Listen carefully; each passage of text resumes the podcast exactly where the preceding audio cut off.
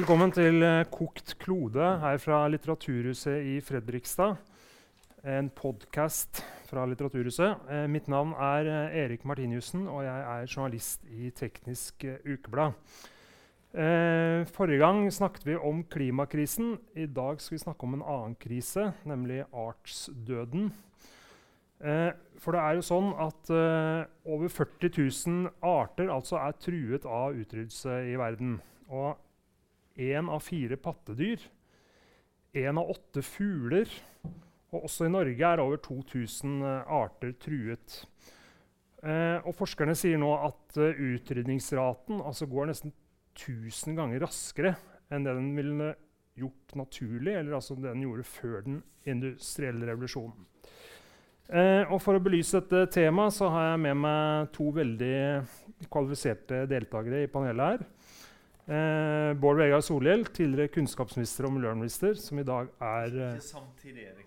ikke samtidig. Først kunnskapsminister, siden miljøminister, og nå generalsekretær i Verdens naturfond. Og så har vi Anne Tygeson, som er professor i biologi ved NMBU. Norges miljø- og biovitenskapelige universitet. Ja. Som har skrevet boka 'Insektenes planet'. Um, jeg tenkte jeg skulle starte med deg, eh, Solhjell. Um, sånn overordna sett um, Hvis du skal beskrive hva dette temaet egentlig handler om Dere har jo kontorer over hele verden, og Verdens naturfond har jo jobbet med dette i mange mange år.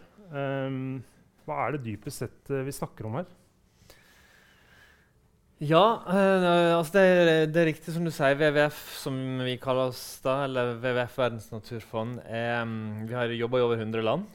Og på mange måter så kan du si at vi starta opp opprinnelig pga. arbeidet med å bevare naturmangfoldet og arter.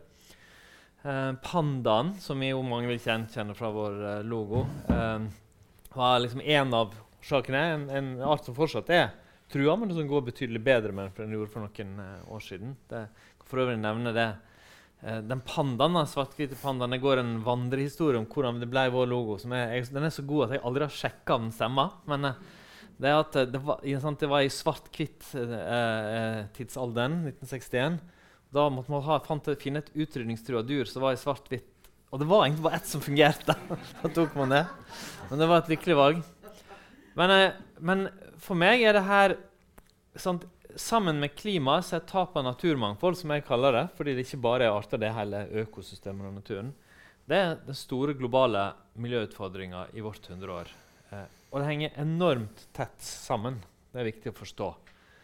Um, det, er, det, er, riktig som du sier, at hvis du ser på en del typer virveldyr, så anslår man at vi taper arter i i et tempo som kanskje er rundt 1000 ganger så høyt som det som er naturlig. Eksempelvis så pleier man å si at et pattedyr dør ut av naturlige årsaker hvert 600 år. Nå dør det har det siste hundreåret har det dødd, dødd ut pattedyr i et helt annet tempo. enn Det opptil 1000 ganger så raskt. Men ikke bare, ikke bare, er det arter som dør ut, men det, men det er òg antallet individer i en art, altså hvor mange dyr som finnes innad i en art. Mm. Og Vi i WWF vi lager en stor internasjonal rapport med forskere og vitenskapsfolk som kalles Living Planet Report. Og Der har vi dokumentert at siden tilbake til da vi har gode tall på 70-tallet, så er antallet patte, virveldyr unnskyld, i verden redusert med om lag 60% Så det er altså en enorm eh, nedgang. Uh, og sant, altså, Vi, vi vet alle om store liksom, dyr fra historien, mammut osv., som har forsvunnet. Mange har kanskje òg tatt et mer kjent eksempel fra våre breddegrad, geirfugl. Sant? En ufattelig tallrik fugl i hele Nord-Atlanteren. Geirfugl, det tror jeg du må beskrive.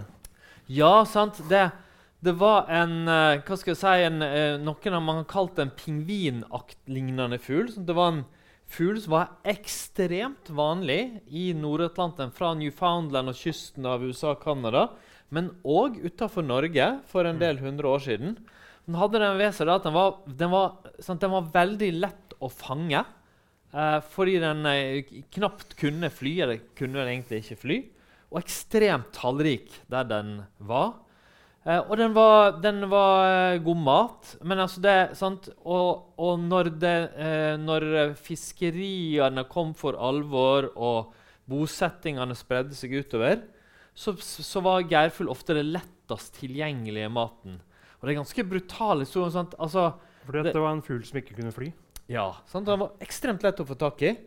Og, så, eh, eh, og, det, og det er jo ganske ille å høre, men altså, man brant den òg som brensel. som kaster han på det, sånne historier man kan høre fortelle, som er skrevet ned i ettertid om at du fanga to geirfugler, så brant du opp bålet med en, og så spiste du den Så du brukte andre. den for ved, som rett og slett. Ja. Og det her, sant, det, det sier også noe om en tid der, altså, der det var ingen tanke for noe sånt. Og den regner man med at det siste det, det er litt u, Jeg tror ikke jeg skal konkludere, det er litt ulike historier om når eksakt man så man, det siste eksemplaret. Noen sier Newfoundland, eh, andre sier utafor eh, Island. Men den er jo nå Den er uh, utrydda uh, varig. Og, og det finnes en del sånne eksempler. Men det, men det skjer i dag òg. Kanskje en og annen her fikk med seg at om lag for et år siden eh, så døde det siste mannlige eksemplaret av arten nordlig hvitt neshorn. Sånn det finnes mange typer neshorn. Det er en underart av den ene hovedarten av neshorn. Og da er det jo sånn at sånn, Nå driver man liksom noen forsøk likevel med eh, eh, kunstig, men sånt, i utgangspunktet så er det jo sånn at når siste mann dør, så er det faktisk game over for eh, eh, arten. Så det, så det er arter som dør. Og, og oppå det her da, sagt en rekke arter som mange har hørt om, som er utrydningstrua. Altså der det er svært få igjen. Og tenker, er du, vil, vil- du ha et eksempel til, eller er du vil, Ja, ja, hva slags så, arter snakker vi om her? Nei, sant Altså, For å ta eksempler, da, eh, og, å, ta en art som jeg sjøl har hatt muligheten til å se liksom, på nært hold, så er orangutang en av de eh, eh, artene som er, har aller mest felles for, med, med mennesker. Orangutanger var for ikke mange år siden helt på nippet. altså Virkelig eh, i Indonesia. Så er det gjort veldig systematiske forsøk som heldigvis har fått det litt opp. Men, men, eh, men det er jo fordi eh, avskoging sant? Er en eh, art som krever store arealer, lever i regnskogen, og som i tillegg eh, var utsatt for at fang, folk fanga dem og brukte det som kjæledyr. rett og slett. Det var, det var ikke uvanlig for en del tiår siden å fange orangutanger som kjæledyr, og lenge etter at det var ulovlig. Eh, og jeg har selv sett, jeg, jeg besøkte for noen tiår siden et av de områdene etter de sentrene i Indonesia der man prøvde å få orangutanger som har vært i fangenskap, tilbake i naturen, i jungelen. Og det, og det er vanskelig, fordi at de tilpasser seg mennesker. De, har så, de har så lett for å tilpasse seg menneskers liv.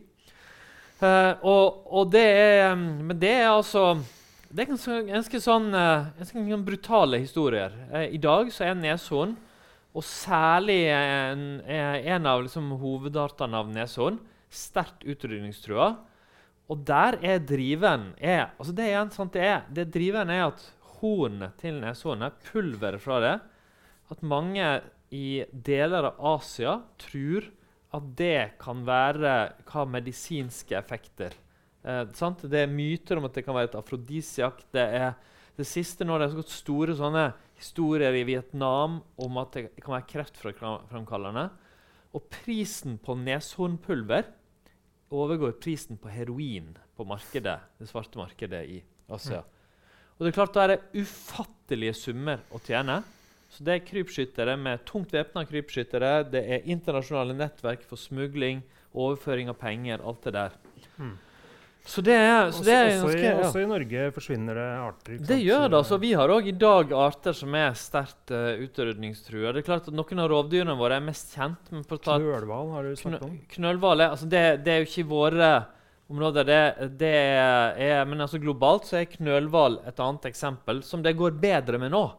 Sant? Og det er typisk at Noen av de mest spektakulære kjente artene som blir sterkt trua, så settes det i verk tiltak som gjør at du klarer å snu det. Mm. Som er en synes jeg, viktig historie å fortelle. Og hvis Et annet eksempel fra Norge da, fjellrev, som kanskje mange har eh, sett. liksom, som, Mm. som også var, altså Det var svært få individer for en 10-15 år siden. I dag igjen så har det økt betydelig pga. veldig systematisk arbeid med det. Og, og, og eh, Fjellrev er jo også et eksempel. og hører Jeg føler at jeg snakker som en marsjfoss nå, men sånn er, det er jo invitert for å gjøre, kanskje. Fjellrev er jo et eksempel på at sant, Mange av artene som blir utrydda, trues aller mest av arealendringer. Altså endringer i arealbruken vi mennesker trenger inn gjennom kraftverk og hyttebygging og, og eh, avskoging og landbruk og hva det er. Men den er òg et eksempel på at trolig spilte klimaendringene inn. Fordi når skogfestet eh, gikk oppover i mange av fjellområdene, så flytta rødreven etter. Og rødrev kan livnære seg på fjellrev i en del tilfeller. Og Dermed ble en eh, art som i utgangspunktet var pressa av arealendringer, enda mer utsatt pga. klimaendringer.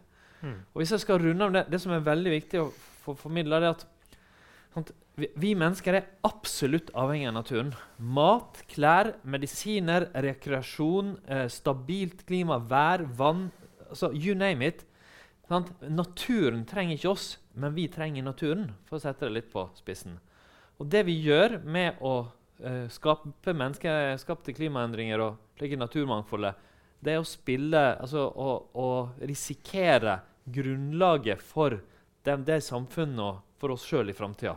Og det er veldig tett knytta sammen. Arealendringer skaper tap av naturmangfold. Men det bidrar òg til klimagassutslipp når vi hogger ned regnskoger og andre områder som binder karbon. Og motsatt. Klimaendringene driver nat tap av naturmangfold. Korallrev, som mm. vi ikke snakke om, mm. trues først og fremst av klimaendringer. Arealendringer og disse tingene skal vi komme tilbake til. Så bra. Um, da skal jeg, da skal jeg uh, Det er også det er noe, uh, andre arter som er trua i Norge òg, altså sjøfugl f.eks. Mm. Uh, og amfibier som frosk og og, ja. og, sånt, og sånt.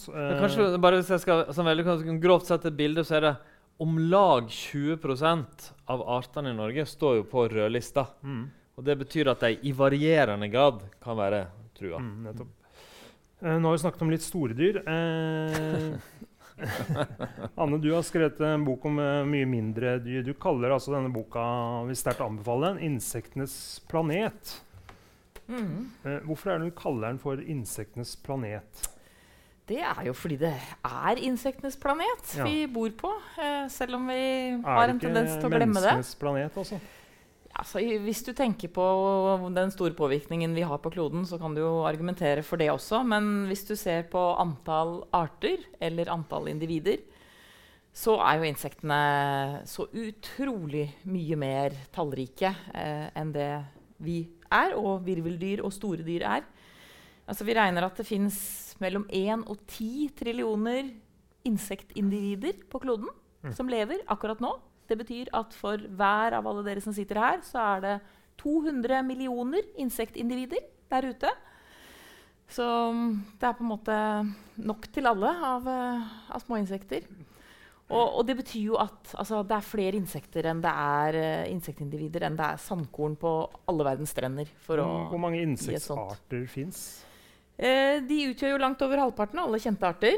Eh, vi kjenner ca. 1,5 million arter, og ca. 1 million av de er insekter. Så halvparten av artene er insekter? Godt over halvparten. Det kommer ja, litt an på hvilke. Da snakker vi artsnivå. På individnivå? Ja, så er det jo altså, ti trillioner. Eh, det er ganske mye. Er, eh, en trillion er et ett-tall med 18 nuller bak.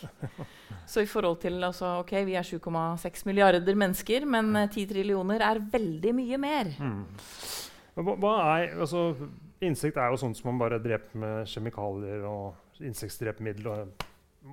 Ja. Altså, hva er egentlig et insekt? Kan du fortelle oss? Altså, et insekt er et uh, lite dyr med seks bein. Og det er i grunnen et veldig sånn, greit sted å starte. Hvis man har et lite kryp foran seg og lurer på om det er et insekt eller ikke, så start med å telle bein. Er det seks bein, er det ganske sikkert at det er et insekt. Hvis du kan fortsette å telle, etter at du har kommet til seks, da er det ikke et insekt. Hvis du kommer til åtte, eksempel, så er det et edderkoppdyr. En midd eller en edderkopp. Um, de har åtte bein. Så skolopendre eller tusenbein er da heller ikke insekter. Seks bein. Og så har de som oftest fire vinger. Det er jo en av grunnene til insektenes suksess. At de har eh, vinger, kan fly. At de er små og kan fly. Um, og så er de delt i tre. Selve kroppen har liksom tre kroppsdeler. Det er ikke like lett å se på alle typer insekter, men hvis du ser på en vanlig stikkeveps, for eksempel, hvor er det, hvor så ser er det, du det godt. øynene sine, disse insektene? De har stort sett øynene i eh, panna. Men, eh, og det er jo ikke bare bare med disse insektene, for de har sanseorganer mange rare steder. Det fins jo For det første så har veldig mange av dem ikke bare de to store øynene som vi har, I, I Eh. boka din står det om et insekt som har øyne Som har øyne på penis? Er det de du vil fram til? ja, det stemmer det. Sommerfugler. Noen sommerfugler eller en art av svalestjert har man funnet ut at hannen har faktisk eh, et slags øye på penis som man bruker til å plassere redskapen eh, på rett sted. Og hunden Og hunden har ditto på eggleggingsrøret, sånn at hun kan se at hun legger eh, de ferdig befrukta eggene på rett sted. Ja. Så det er mye, mye rart i Ører, da? Hvor er det de har De kan være mange rare steder. Gresshopper har dem på knærne. på knærne? Ja, eh, noen sommerfugl igjen, noen eh, nattlevende sommerfugl, har faktisk ører i munnen. Jeg får litt sånn der, det, er som å komme til en, det er jo som å komme til en annen planet og finne noen slags ny slags art som man aldri har hørt om aliens. Ja, Men det er jo mange som sier det at hvis, så si, hvis noen, noen aliens kom til planeten vår og liksom så på de artene som lever her, så ville de trodd at det var Insekter insektenes planet. ikke sant? De ville se en masse bilder. Du har jo et bilde i boka og- di, men Stortinget, Ja. hvordan er det, hva mener du?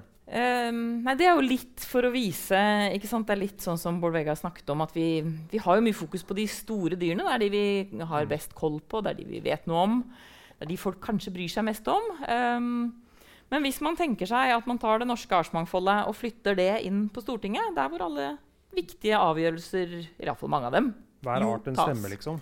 så gir man hver art eh, et, eh, et sete, eller hver artsgruppe. Fordeler man setene etter hvor mange arter det er i den artsgruppen. Sånn at, sant? Hvis det er mange arter, så får de ditto flere, flere seter. Og da vil insektene alene få 44% av setene, mandatene, på Stortinget. Nesten halvparten altså er Ja. insekter. Slår de seg sammen med sopp og lav, så har de flertall. Og det er liksom sånn, Mens, mens liksom de tingene vi tenker på, eh, planter ikke sant? Planter og mose, de får bare 10% av setene. Monner nesten ingenting. Så har du en stor koalisjon. Det er jo inn med koalisjoner og samarbeid. og sånn. Så du har en stor koalisjon av andre små vesener som får en fjerdedel av setene. Der kommer edderkoppdyrene, snegler, krepsdyr, sånne ting. Og da er det altså igjen usle 2 til alle virveldyr. Altså fugl, fisk, pattedyr, amfibier og krypdyr. 2 eh, til de dyrene som jeg syns er fine, liksom. Ja, Ja. Godt under sperregrensa. Det er som rødt, liksom. Ja, det er liksom så få Noen uh, sa en gang det, at det er så få at du ikke engang har lov å stille spørsmål i spørretimen. Men menneskene, da? Hvor mange prosent får vi? Altså, Vi er jo bare én art, da. Ja. Så sånn sett så monner vi jo ekstremt lite hvis du teller Ingen arter. stemmerett. Nei, på en hvis, måte så hvis plantene og dyrene liksom skulle Hvis vi skulle styre dette her, da, så hadde ikke vi hatt noe Nei. stemmerett i det hele tatt. Nei, og det er jo et lite sånn tankekors da, i forhold til at uh, når man tar beslutninger som har å gjøre med arealbruk, eksempel, som jo er den viktigste årsaken eh, til at arter sliter, så burde man kanskje ha det der bildet der i bakhodet. da. At det er mesteparten av artsmangfoldet i landet vårt. Eh, det er små og tause og ganske usynlige arter. Som jo jobber for oss aldeles gratis hver eneste dag. Og også disse insektene forsvinner og i hopetall. Ja, de gjør det. Det har det vært lite fokus på helt fram til nå nylig. Det har jo kommet noen studier nå de siste bare par årene som plutselig har fått folk til å få øynene opp for, eh, for insekter. For dette med bier og pollinering og sånt har jo mange hørt om. Det, Ja, det har mange hørt om, og det er jo én viktig ting som insektene gjør. Men de gjør jo veldig mye mer. De er jo også helt grunnleggende i det å resirkulere næring. Fordi alle disse plantene og trærne som dør der ute, de låser jo på en måte fast en masse næringsstoffer. Og hvis ikke de næringsstoffene brytes ned, og det lages jord av det igjen, så vil jo ikke nye planter kunne spire. Så det er litt som å tenke seg liksom at en elg eller et grantre er en legofigur. ikke sant? Og når den dør, den organismen, så må noen plukke fra hverandre de legoklossene, som er karbon og nitrogen og sånn. Sånn at livet kan bygge en ny elg eller et nytt grantre med de legoklossene. Og den jobben med å plukke fra hverandre eh, de artene som, eller de individene som dør, der er insektene vesentlige. Sammen med sopp og bakterier, men insektenes rolle er, eh, er helt avgjørende. ja, for du har også gjort, du refererer til eksperiment. Jeg har alltid tenkt at det er sopp og sånt som spiser opp bark og gamle trær og sånt. Men det er ikke bare det. Nei, insektene er eh, kjempeviktige. Det de gjør, er jo å tygge og blande og lufte og mikse denne massen, og, sånn at det blir en mye større overflate som sopp og bakterier kan jobbe på. Hva skjer hvis vi mister disse insektene, da? Nei, Da vil jo veldig mye bare bli liggende. Eh, det vil jo, en ting er at det vil bli uframkommelig og liksom, si, altså Det gjelder jo også døde dyr, og det gjelder dyremøkk. ikke sant? Så det vil jo være helserisiko, og det vil stinke noe forferdelig. Eh, og i det hele tatt. De hyggeligere sidene, jordbær og pærer og epler og sånt, kan vi, for, vil vi fortsatt ha det? Eh, altså Hvis ikke den næringen kommer tilbake i jorda, så vil jo ikke jordbærplantene dine kunne vokse heller eh, på sikt. Så det er ganske grunnleggende, eh, den funksjonen insektene har. Du har et annet eksempel i boka for, som jeg ikke hadde hørt om før. fordi eh, Påskemarsipan ja. Er det noe vi kan forvente? ja, nei, Det er jo en av de tingene man kanskje ikke tenker på at er avhengig av insekter. For altså mandler er jo hovedingrediensen i marsipan. ikke sant? Eh, og 80% av verdens mandler de dyrkes i California. Der er det altså et område på størrelse med Østfold fylke. Passer jo bra når vi er i Østfold fylke, som ikke heter det lenger. Men anyway. Eh, hvor det bare er rekke på rekke med mandeltrær. Og mandler de dyrkes på den måten at når, når mandlene er eh, altså når de har blomstret av, og da kommer det jo mandler, ikke sant? det er jo på en måte frøene til mandeltreet, eh, da kjører man en ristemaskin gjennom plantasjen som tar tak i treet og så rister på det, så alle mandlene detter ned på bakken. Og så skal de ligge der og tørke en stund. Og så kjører man en diger støvsugerbil gjennom disse trerekkene og suger opp alle mandlene. Og da gjelder det at det er minst mulig annet på bakken under mandeltrærne. For du vil jo ikke ha gress eller blomster eller noe som helst annet enn mandler inn i den støvsugerbilen din. Og det betyr at i disse områdene, for å få god mandelhygiene, så er det helt hardpakket jord uten noe grønt uten noe blomster som kan gi nektar og pollen til insektene hele resten av året. For mandeltrærne blomstrer et par uker. De andre 50 ukene i året er det nada i et område på størrelse med Østfold. Og det betyr jo at det er ingen naturlige pollinatorer. Eh, ingen naturlige insektpollinatorer ja, Plantene må ha insekter for å lage mandler? De er helt avhengig av ja. insektpollinering. Det må fly et insekt fra blomst til blomst, og helst mellom trærne. Eh, du, du har en ørken av uh, mandelplanter? Ja, mandeltrær. Og, og clouet er jo at for å få det til å funke, da, siden det ikke er noen naturlige pollinatorer igjen Dette her minner jo ikke så lite om bienes historie, for de av dere som har lest Maja Lundes roman. Det man gjør da, eh, er ikke å klatre rundt i trærne og pollinere, eh, som de gjør i boka hennes. Det gjør man jo for så vidt i Kina i dag også. Eh, på ordentlig. Men i California så frakter de inn bikuber med tannbier, honningbier. Husdyret vårt. Og det er altså en flytteoperasjon på størrelse med den der Trident Juncture, som var nå nettopp, den svære Nato-øvelsen, hvor det bare trøkkes inn på sånne kjempespesialtrøkkers, kjempelastebiler. Nesten alt som er av bikuber i hele USA, kjører gjennom USA ligger i camp rundt mandelplantasjen. Venter på blomstring, og når den kommer, så plasseres disse kubene ut. Og honningbiene raser rundt og pollinerer på harde livet for at du og jeg skal få påskemarsipan. Det er jo ganske utrolig Du må altså ha hjelp fra eh, halvparten av amerikanske biene for å lage mandler. Ja, ja. du må det. Uten det hadde det ikke vært uh, nubbsjans. Men uh, mandler er nå én ting. Men uh, jordbær Du skriver også om det. At egentlig jordbær blir ikke noe store uten insekter. De vokser ikke, de Nei, fordi clouet er jo at det er, det er mange planter, både altså åtte av ti ville blomster, er begunstiget av insekter for å lage frø. Eh, men også veldig mange av matplantene våre. Frukt, bær, grønnsaker, kløvervekster, eh, nøtter, solsikke, raps, masse sånt. Eh, men det er også det at ikke bare er insektbesøket viktig for at det skal bli frø, og dermed den frukten som vi liker å spise. Men insektbesøk gjør også at kvaliteten på frukten blir bedre. Jordbær, f.eks., er det vist gjennom forskning at insektpollinerte jordbær er søtere, rødere og fastere og større enn vind- eller selvpollinerte jordbær. Så det er forklaringen på at de der belgiske jordbærene bare smaker vann. det kan hende at det har noe med saken å gjøre. Østfoldbær er jo veldig gode. Så. Ja, Der har det vært noen uh, humler ute og surret da, vet du, og hjulpet til. Men altså, nå ble jo du litt bare ta ordet hvis du vil, Bård. Jeg ble så fascinert. Jeg, jeg tenkte på så for meg en sånn Nato-trøkker i når du sendte Trident Jackson kjører sånn bikuber inn i en ja. Ja, nei, det det Hvordan er henger ganske- dette sammen med klimakrisen? egentlig? Er det noen sammenheng mellom disse tingene? Ja, det tenker jeg absolutt at det er. Som, eh, som Bård Vegard også sa innledningsvis. De to tingene henger mye tettere sammen enn kanskje folk flest tenker over.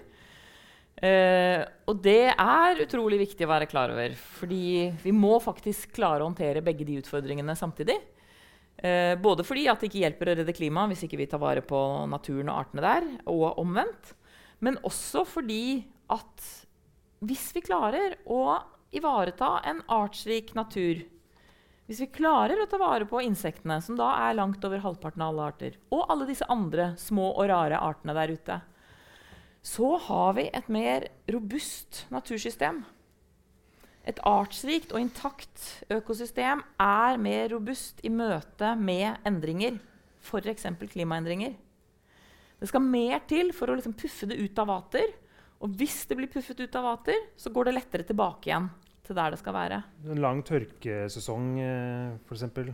Ja, vil være lettere å håndtere hvis man har insekter og mye forskjellig grønt. Ja, for da har du mange forskjellige insekter, ikke sant? og noen av dem vil da være i stand til å takle det. Det vil være noen arter som er bedre på en tørkesommer, så vil det være andre arter som er bedre på en våt sommer. Da kan de pollinere når det er tørt, og så kan de andre pollinere når Ikke det er sant? ja. Det er noe av poenget med å ta vare på, på arter. Og også innenfor én art så er det jo altså Når man snakker om biologisk mangfold, så definerer man jo vanligvis det på tre nivåer. Man snakker om, om liksom økosystemer, altså natursystemer. Så snakker man om arter, som er det man liksom er lettest å, å gripe. Men så snakker man jo også om, om genetisk mangfold, altså arvestoffene i en og samme art. Og det er også viktig, fordi det kan være, hvis man har mange individer av en art, hvis du har en stor populasjon, en stor bestand, så vil noen av de ha et arvemateriale som gjør dem i stand til å takle visse betingelser bedre enn andre individer. Hvis det f.eks. blir systematisk varmere, og du har mange forskjellige individer av én art, så vil det være noen der som takler det bedre. Og da vil de da jeg, kunne få flere barn og sørge for at den arten blir med oss videre inn i framtiden. Mens hvis vi har skrumpet inn dette for mye, hvis det er for få individer igjen, så har vi mye mindre å spille på. Og da går det lettere skeis. Hva er det FN hva er det som skjer internasjonalt for å få gjort noe med dette? Nei, altså, en av de, det, det, er jo, um, det er jo et omfattende internasjonalt arbeid knytta til naturmangfold. Men kanskje, kanskje det der man tydeligst ser forskjellen mellom klima og, og det å ta vare på arter at, Men hvis du går tilbake igjen til når jeg begynte å engasjere meg politisk var med i en liksom, eh, Sosialistisk Ungdom og ungdomsassosiasjon til SV begynnelsen av 90-tallet Eh, så ble både grunnlaget for det som heter Klimakonvensjonen, som i dag veldig mange har hørt om, som har ledet til Parisavtalen osv., og, og Konvensjonen for biologisk mangfold, som er det tilsvarende for naturen, starta opp omtrent samtidig. Og eh, Jeg har sett sånn oversikt over hvor, stor, hvor mange medietreff, hvor stor oppmerksomhet de to temaene har fått. Og på den tida så var det større oppmerksomhet rundt naturødeleggelse enn klima. offentligheten. tidlig 80-tall? Tidlig 90-tall er vi på Ja. da. Jeg er ikke så gammel. Eh, men så skjedde det noe sånn gradvis fra slutten av 90-tallet, bl.a. med Kyoto-avtalen og sånn globalt, og oppmerksomheten som gjorde at klima heldigvis ble et kjempestort tema. Sånn vi er jo langt unna å gjøre nok. Men det er i hvert fall nå sånn at det får enormt stor oppmerksomhet globalt og her i Norge. Mens det samme tilsvarende ikke har skjedd på naturmangfold. Og Derfor er det så, sånn så vi har en, enda den som heter konvensjonen for biologisk mangfold. Vi har på natur akkurat som på klima store avtaler innafor det. Vi har et sett av målsetninger som heter Aichi-målsetningene. Hvor mange har hørt om Aichi? Men vi har ikke noe FNs klimapanel for natur. Jo, det har vi òg. Jeg skulle komme dit. Til og med har vi det. Så vi har, vi har Det har liksom jeg aldri hørt om. alt Nei, det, nei, og det er ikke så FNs, Hva kaller man det, da? FNs naturpanel ja, det, har, det har en verdens altså det, her er også noe det, Man har jo laga så rare forkortelser av navn på det her at du skulle tro det er for å holde det hemmelig. FNs naturpanel. IPBES heter den, den engelske forkortelsen på det. Eh, jeg prøver å snakke om det så enkelt som mulig. Jeg kaller det bare Naturpanelet, for det er liksom mulig å ja, forstå. Og så heter det da Konvensjonen for biologisk mangfold, så Aichi-målene. Jeg, jeg liker best å kalle det Naturavtalen, fordi jeg liksom prøver det, Jeg tror det er viktig å snakke om det i et mer sånn folkelig språk. Men liksom i klimasamarbeidet så setter man sånne rammer, og så sier man nå skal det landet kutte så mye, og det Ja. landet kutte så mye. Kan- man sette sånne internasjonale Nå må dere ha så og så mye veps, og dere skal ha så og så mye mygg. ja, det, det var en herlig idé at vi kunne gjøre det sånn. Bare Norge, ta, på, ta vepsen! Men, men, det, men, men det er faktisk ikke så Det er litt mer avansert, men det er ikke så langt unna. Fordi at de målene som kalles Aichi-målene etter den japanske byen der man ble enige om det, og som gjelder fram til 2020, de gir landet en masse målsetninger som man skal oppfylle. Og sannheten er at storparten av verdens land har skrevet under på det, men storparten av verdens land oppfyller heller ikke målsetningene. Det er som problemet. Og, og det er, det er sant eh, er, sånn Det jeg sjøl har opplevd fra min liksom, bakgrunn, er, er jo at for at politikere skal gjøre det man lover å gjøre, så må det være oppmerksomhet om det. Press, medieoppmerksomhet, mennesker som demonstrerer i gatene. Det er det i altfor liten grad. Eh, Hva er det Norge har forpliktet seg til, f.eks.? vi har eksempel, oss ta eksempler. Vi har forplikta oss til å verne et representativt utvalg av norsk natur. På noen områder er vi veldig gode der. Det er viktig å si. Altså, Norge er, det, det er kjempemye bra om eksempel har vi et system for nasjonalparker og reservater i våre fjellområder som er ganske velutvikla, eh, som sikkert mange her har gått i òg, osv. Eh, der vi derimot har vært ganske dårlige, det er på det som heter marint vern. Altså ta vare på verne områder i havområdene. Vi er veldig langt unna å nå målsetningene, for å bruke et par Mm. eksempler. Mm. Eh, og så er det det som heter naturpanelet, da, hvis jeg skal komme til det. Ja. Uh, og det eh, det er til, det, Ideen bak det er jo tilsvarende klimapanelet, og jeg tror det kommer til å bli veldig viktig. Det at, sant, det, at man, det er ikke sånn at de sjøl sitter og forsker, men de samler inn og ser på all forskningen som blir gjort i verden på området, og sammenstiller det og publiserer det. Det er jo det klimapanelet har gjort, som har vært så viktig for den oppmerksomheten det får. For Dermed har du fått noen som gir deg en autoritet her. Det her er faktisk bildet når du samler sammen alt sammen. Og det har gjort at de som har vært fornektere, på en måte har gradvis blitt svekka. Det er liksom, liksom ikke én rapport her og én rapport der. Det her er summen av det vi har. Og nå i mai altså Naturpanelet har publisert noen viktige rapporter, men i, i mai så kommer de med den første totale sammenstillinga som, som jeg vil tro kan sammenlignes med det klimapanelet har gjort sånn fullstendig. Uh, og jeg håper, det, altså jeg håper veldig at det, vi jobber mye med det i WWF, hvordan det skal gis oppmerksomhet. Mm. For jeg tror at det er en nøkkel, det at mennesker blir kjent med alvoret og, og konsekvensene det kan eh, ha. Og det vil jo da være fra våre spektakulære pattedyr som vi driver med i WWF, til de små, rare, men enda mer nyttige trolig insektene. Ja, hva tenker du om det, Anne? Er dette eh, bare sånt prat internasjonalt, eller betyr det noe for eh, det arbeidet du driver med? Nei, altså, jeg tror Naturpanelets arbeid er kjempeviktig eh, og fortjener mye mer oppmerksomhet enn det har fått. Det er jo liksom Klimapanelets eh, lillesøster har vært til nå, men eh, de fortjener å ja, vokse opp og få mye mer eh, fokus. Og det, det tror jeg også er i ferd med å Snakker de om insekter også? Ja. Det, de, en av de rapportene de har gitt ut, er jo en rapport om pollinering. Eh, helt spesifikt betydningen av det. Eh, hvor de bl.a. slo fast at eh, den tjenesten som pollinerende insekter gjør for oss hvert år, tilsvarer en verdi på høyde med fem norske statsbudsjett. Det er en ganske svær sum. Hvert en eneste år. Ja.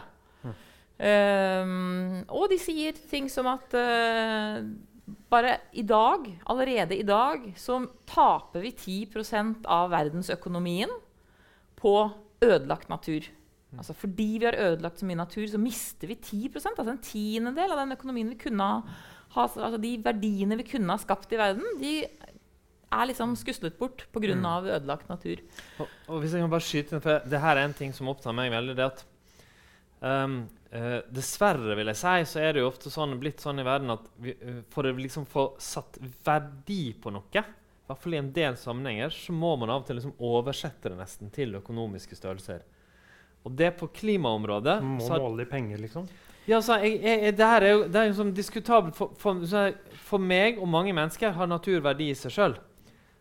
Men uh, men uh, hvis det skal på bordet i beslutninger i Finansdepartementet og i store selskaper, så må det ofte det. Og Hvis man tar klima som eksempel sant? Når vi har sett avgifter på det, når det koster penger, så har det vist seg at det får tross alt en viss effekt. du det. Men sannheten i dag er at arealer, da, sånn som ofte er trusselen, er sant? det er ofte gratis. Det regnes ingen, og det regnes ikke inn noen kostnad noe sted for å ødelegge natur. Mm. Å kutte tre og hogge ned trær, da regner du bare fordelen med det at du kan, det du, materialet du kan selge eller det du kan bygge der, ikke den kostnaden du kan ha at du ødelegger natur. Eh, over til noe litt annet. Um, jeg tenkte jeg skulle spørre deg, Janne. Eh, hvor mange pattedyr har vi i Norge? Åh, i Det Norge? eksamen, altså. Eh, det er ikke så mange. Nei, det er jeg Tør du ikke svare? Jeg må jo tenke. Altså, vi har ni flaggermusarter, og så har vi noen gnager og noen elg. Og... Nei, ca. 100 står det ja, her. ok, Ca. 100. Ja, nei, det Men et annet svar som du kanskje kan gi, da, er hvor mange arter er det som lever av død ved? Ja, det er ganske mange. Iallfall Så det er- 6000-7000. 6000-7000, ja. Ja. Så vi har 100 pattedyr. Som katt og hund og hest og sånn som jeg ja. er kjent- av. av. Mhm. Og vi har 6000 arter som lever på et dødt tre. Ja. Og det er jo det som er litt fascinerende med det med, med døde trær. Det er jo egentlig ingenting som er så levende som et dødt tre. Eh, faktisk så er det jo sånn at et tre er mer levende når det er dødt, enn når det er levende. Hvis du ser på antall celler som lever. Fordi et tre som lever, har jo egentlig altså Hele trestammen inni midten, veden der, den vi hiver på peisen, eh, det er døde celler. Eh, de er ikke levende lenger, de cellene som lager liksom selve stammestrukturen. Så mm, når, men når det treet da går over ende, og det flytter inn insekter og sopp og mose og lav og alt mulig rart, så blir det faktisk, om du teller liksom antall levende celler, flere levende celler i det treet når det er dødt. Og det er hva slags dyr snakker vi om? Vi snakker jo mye om insekter igjen, og vi Mm. snakker om sopp. Det er de to viktigste gruppene. Ja, mange biller som lever i dødt trevirke. Og biller er jo en av de aller største eh, gruppene av insekter Det er deres vi bolig på et vis, da. Ja, det er veldig mange arter som har eh, barneværelset sitt i Mm. døde trær. Altså larvene lever i Spiser opp død ved. Er sånne små vaktmestere som vi snakket om i stad. Som eh, plukker fra hverandre den eh, legofiguren som det treet har vært. Hjelper til å bryte ned det. Og når de billebarna blir voksne, så blir de flyvende trebukker f.eks. som besøker blomster og hjelper til med pollinering. Så her er det jo en krysskobling også mellom at en og samme art kan bidra til å gi oss forskjellige typer tjenester som vi eh, trenger. Så hva skjer da hvis vi flathogger skauen og eh, la, tar ut alderen? Ja, nei, altså det med Det er jo mange som syns at dødt trevirke i skogen er rotete og ser stygt ut, eh, og at vi burde rydde det opp. Eh, så er det noen som mener at det er sløsing med ressurser som vi mennesker kunne og kanskje burde ha brukt, fordi vi kunne jo lagd dopapir eller stavkirker uh, av det.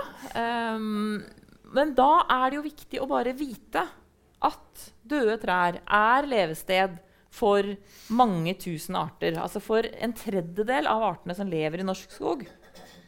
En tredjedel av de ca. 20 000 artene i norsk skog er avhengig av dødt trevirke. Døde trestammer, døde røtter, døde pinner. Um, hvordan forvalter skogen i dag for å, for å sikre dette? her da? For Hvis du da tar ut alt det, så forsvinner de billene og de mygg, Ja. de, disse insektene. Altså det, det her er jo et eh, Du, du berører jo et uh, vanskelig spørsmål. For det er klart vi konkurrerer om det samme. Altså Ja. Vi driver skogbruk fordi vi ønsker å ta ut de trærne. Det er jo maten og bostedet til mange arter. Um, Og dette er arter som ikke nødvendigvis fins i Australia eller Tyskland. Eller Nei, det er jo Nei, ja, iallfall ikke i Australia. Det er altfor langt unna. Men, Men, det er eh, arter som vi har et ansvar for i Norge? eller? Ja, det har vi jo for så vidt uansett. da, fordi Hvis alle skal bare peke på nabolandet og si at ja, men arten finnes der også, da kan vi jo leke sånn storlek og peke på hverandre og, og holde det gående. Så jeg tenker vi må jo ta det nasjonale ansvaret vi har for uh, våre arter. Og det er mange vedlevende arter, altså arter som lever i dødt trevirke, som er utrydningstrua i Norge. Nettopp fordi vi i dag har ca. en femtedel, en sjettedel, en femtedel av den mengden dødt trevirke i skogen som eh, man ville finne i en skog som var si, urørt av menneskehender. Men så må det også sies at det har blitt bedre de siste 100 årene. fordi eh, rundt 1900 så var mengden av dødt trevirke eller tidlig 1900, absolutt i en bølgedal etter at man hadde drevet veldig intensiv rovhogst gjennom 1800-tallet. Um, så både mengden levende trær og mengden dødt trevirke har gått opp uh, fra 1900-tallet og fram til i dag. Så liksom i prosentpoeng så, så hjelper jo det litt, men altså, vi er fremdeles bare på 15-20% av det liksom, referansenivået. Da. Og da blir det store spørsmålet hvor mye dødt trevirke må vi ha i skogen for å sikre nok av disse artene og nok av disse individene som skal gi oss de tjenestene og godene eh, som, de, som, de, driver med. Altså det med å resirkulere næring. Eh, mange av dem er jo også parasitter som holder andre arter i sjakk. For så er det jo sånn at stor granbarkebille, altså tenk Øystein Sunde, barkebillebugi, det er jo den billen som kan, når det blir mange av dem, kan samle seg og faktisk drepe levende, svekkede grantrær. Den gjør skade for uh, mange millioner kroner i skogbruket hvert år. Uh, men hvis man har en variert skog med dødt trevirke, så er det flere av fiendene og parasittene som spiser stor granbarkbille i den skogen, enn ja. i en industriskog. Ja. Så det er litt som de andre den, eksemplene du var inne på, at det er noe med at ting henger sammen. Og hvis vi har Granbarkebilen er egentlig et resultat av industriskogbruk på et vis? Altså, ikke, ikke fullt så altså, ledd så Men altså det, det, å ha et veldig liksom, enkelt system, på en måte, hvor alle trærne er like store og like mhm. gamle, og hvor det er lite dødt trevirke, så favoriserer du den arten, ja. og du, gjør, eh, du har lite levesteder for de som skal kontrollere den. Det her jobber vel sikkert dere en del med, vil jeg tro. Vi, vi, jobber mye med skog eh, og skogvern i Norge, det er helt riktig. Og eh, Du spurte om de Aichi-målene og hva Norge ikke har oppfylt. Altså, det står å ta vare på et representativt utvalg. Eh, der er skog en av de områdene der Norge ja, det, Vi er vi enda, men særlig for noen år siden lå veldig langt etter det vi burde. Mm. Og som Anne er riktig innpå, så er det spesielt viktig fordi en svært stor andel av norske arter, og for den saks skyld utrydningstruede arter, holder til i skogen. Og da er den gamle skogen med mye død den er kolossalt viktig. som var fortalt. Så Det vi har jobba mye med da, fra mange år tilbake, det er jo å øke andelen skog i Norge som er verna eller tas vare på. Uh, og Jeg husker, jeg var jo som du sa, miljøvernminister for en del år siden. Og Da ble jeg oppsøkt av en ung lobbyist fra en organisasjon som heter WWF. Som eh, klarte å, Det var lenge før jeg visste at jeg skulle sitte her. da, Som overtalte meg til at det var en skikkelig god idé å satse på det som heter frivillig skogvern. altså At man samarbeider med skogeiere om å få det til å verne områder som ikke er de de bedrifter mer, men som har store naturverdier. helst da, Uh, og, har man, og det, derfor har, og da satser vi mye mer på det, og det har den regjeringen vi har nå, fortsatt med. Sånn at skogvernet i Norge har økt kraftig. Men det er samtidig sånn at det som heter flathogst, altså sant, områder med, med, industriell hogst, òg øker i andelen av skogen. Og der, Det reduserer artsmangfoldet veldig. Og i for liten grad så er det sånn at vi har klart å ta vare på de kvalitativt beste områdene, altså de som er viktigst. da for artsmangfoldet av skogene våre. Og nå er jeg fra Vestlandet, og ikke fra Østfold. Det er Viken. Vi er jo samme fylke nå. Hvor er Akershus? Eller Viken nå. Uh, og der, sant, der, er En av de tingene jeg husker fra min oppvekst, og som er enda mer vanlig etter det, er jo disse her store plantasjeaktige granskogområdene som er, der det nesten er liksom dødt på bakken under.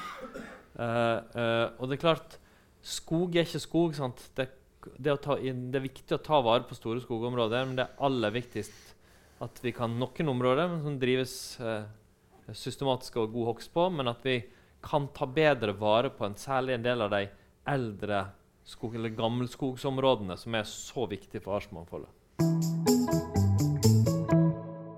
Oppi alt dette her om norske arter, så er det jo, kan ikke glemme regnskogen heller. Vi bruker masse penger på å bevare regnskog. Er det viktigere enn å bevare norsk natur? Er det litt kjedelig, norsk natur?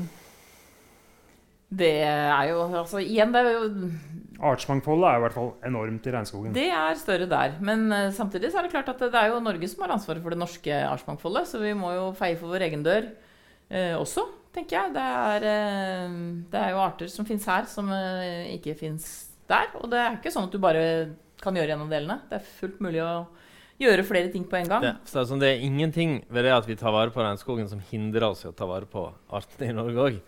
Det, altså, og det, all, det, viktigste i de internasjonale avtalene vi har undertegnet på området, er at hvert land har ansvar for å ta ansvar sjøl. Det er liksom det vi har skrevet under på.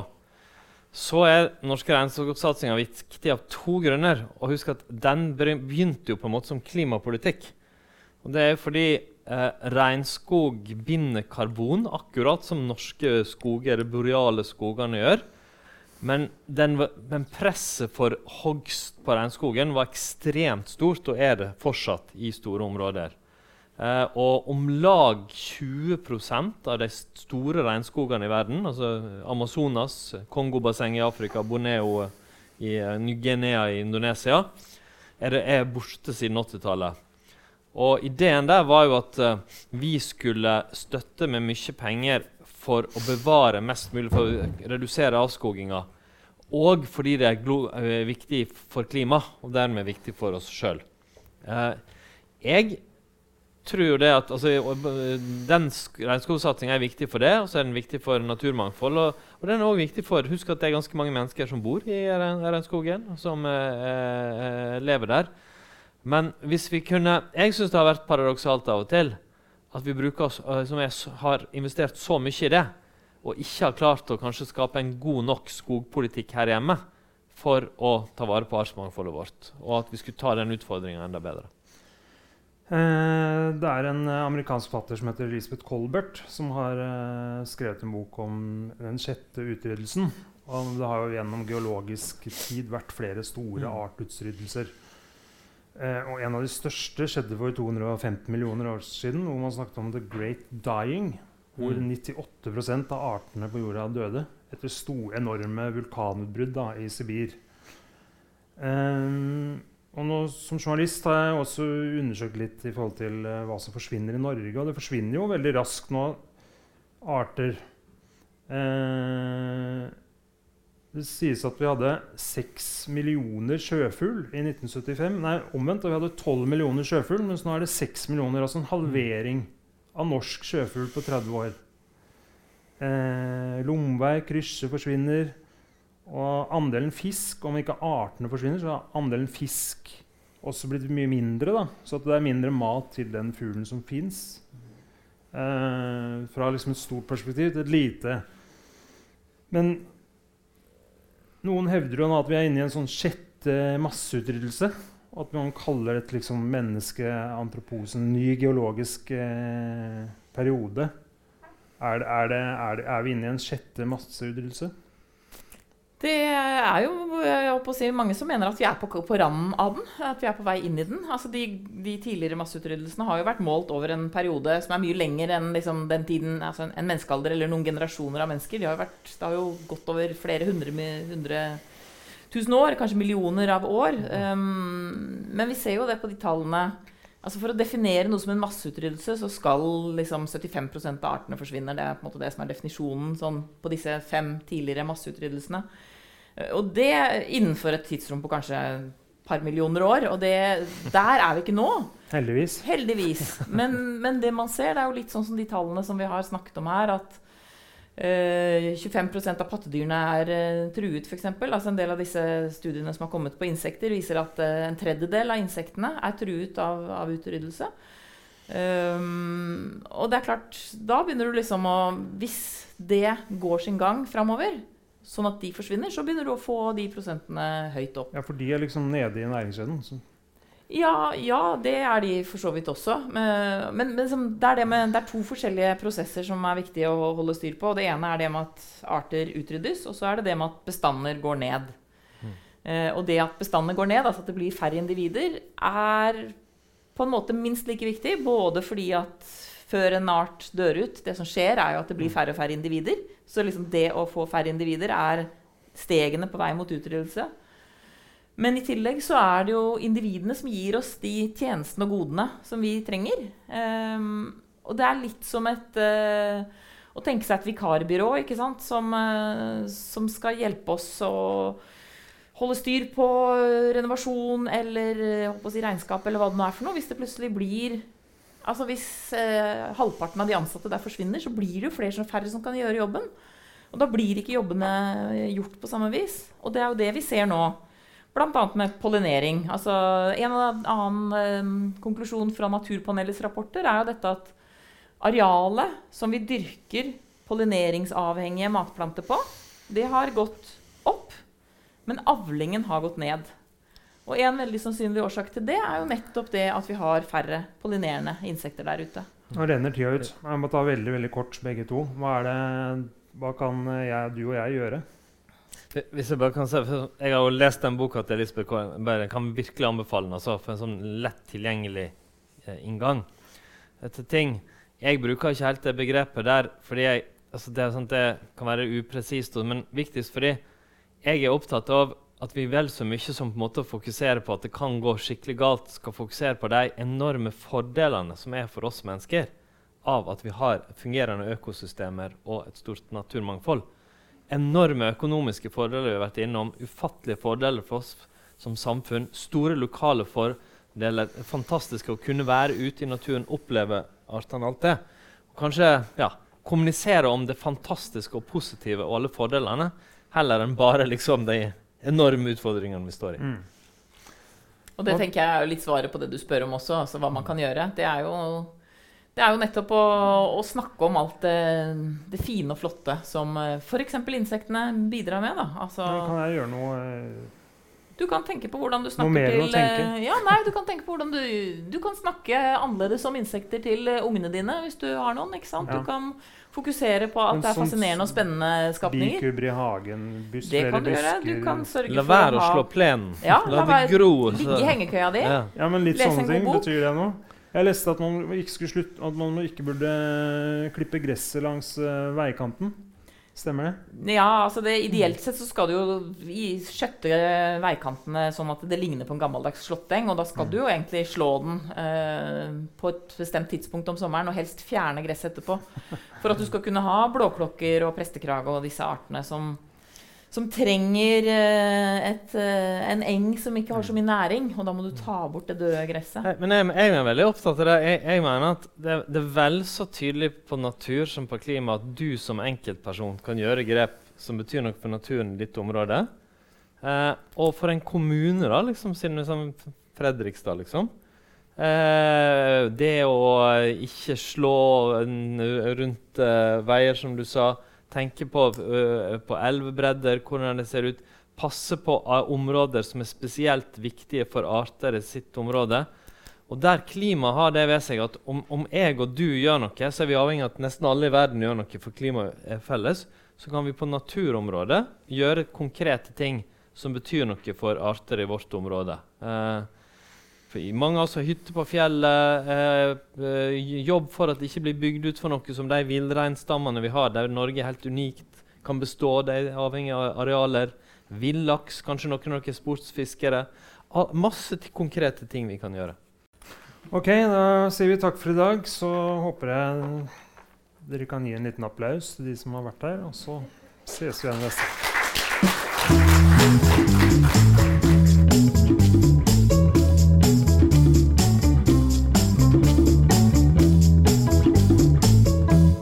Denne podkasten er produsert av Litteraturhuset Fredrikstad. Våre solide støttespillere er Kulturdepartementet, Fredrikstad kommune, Østfold fylkeskommune, Fritt Ord, Freisborg Eiendom, Fredrikstad Energi, Verksted, Bergesen-stiftelsen og Handelsbanken.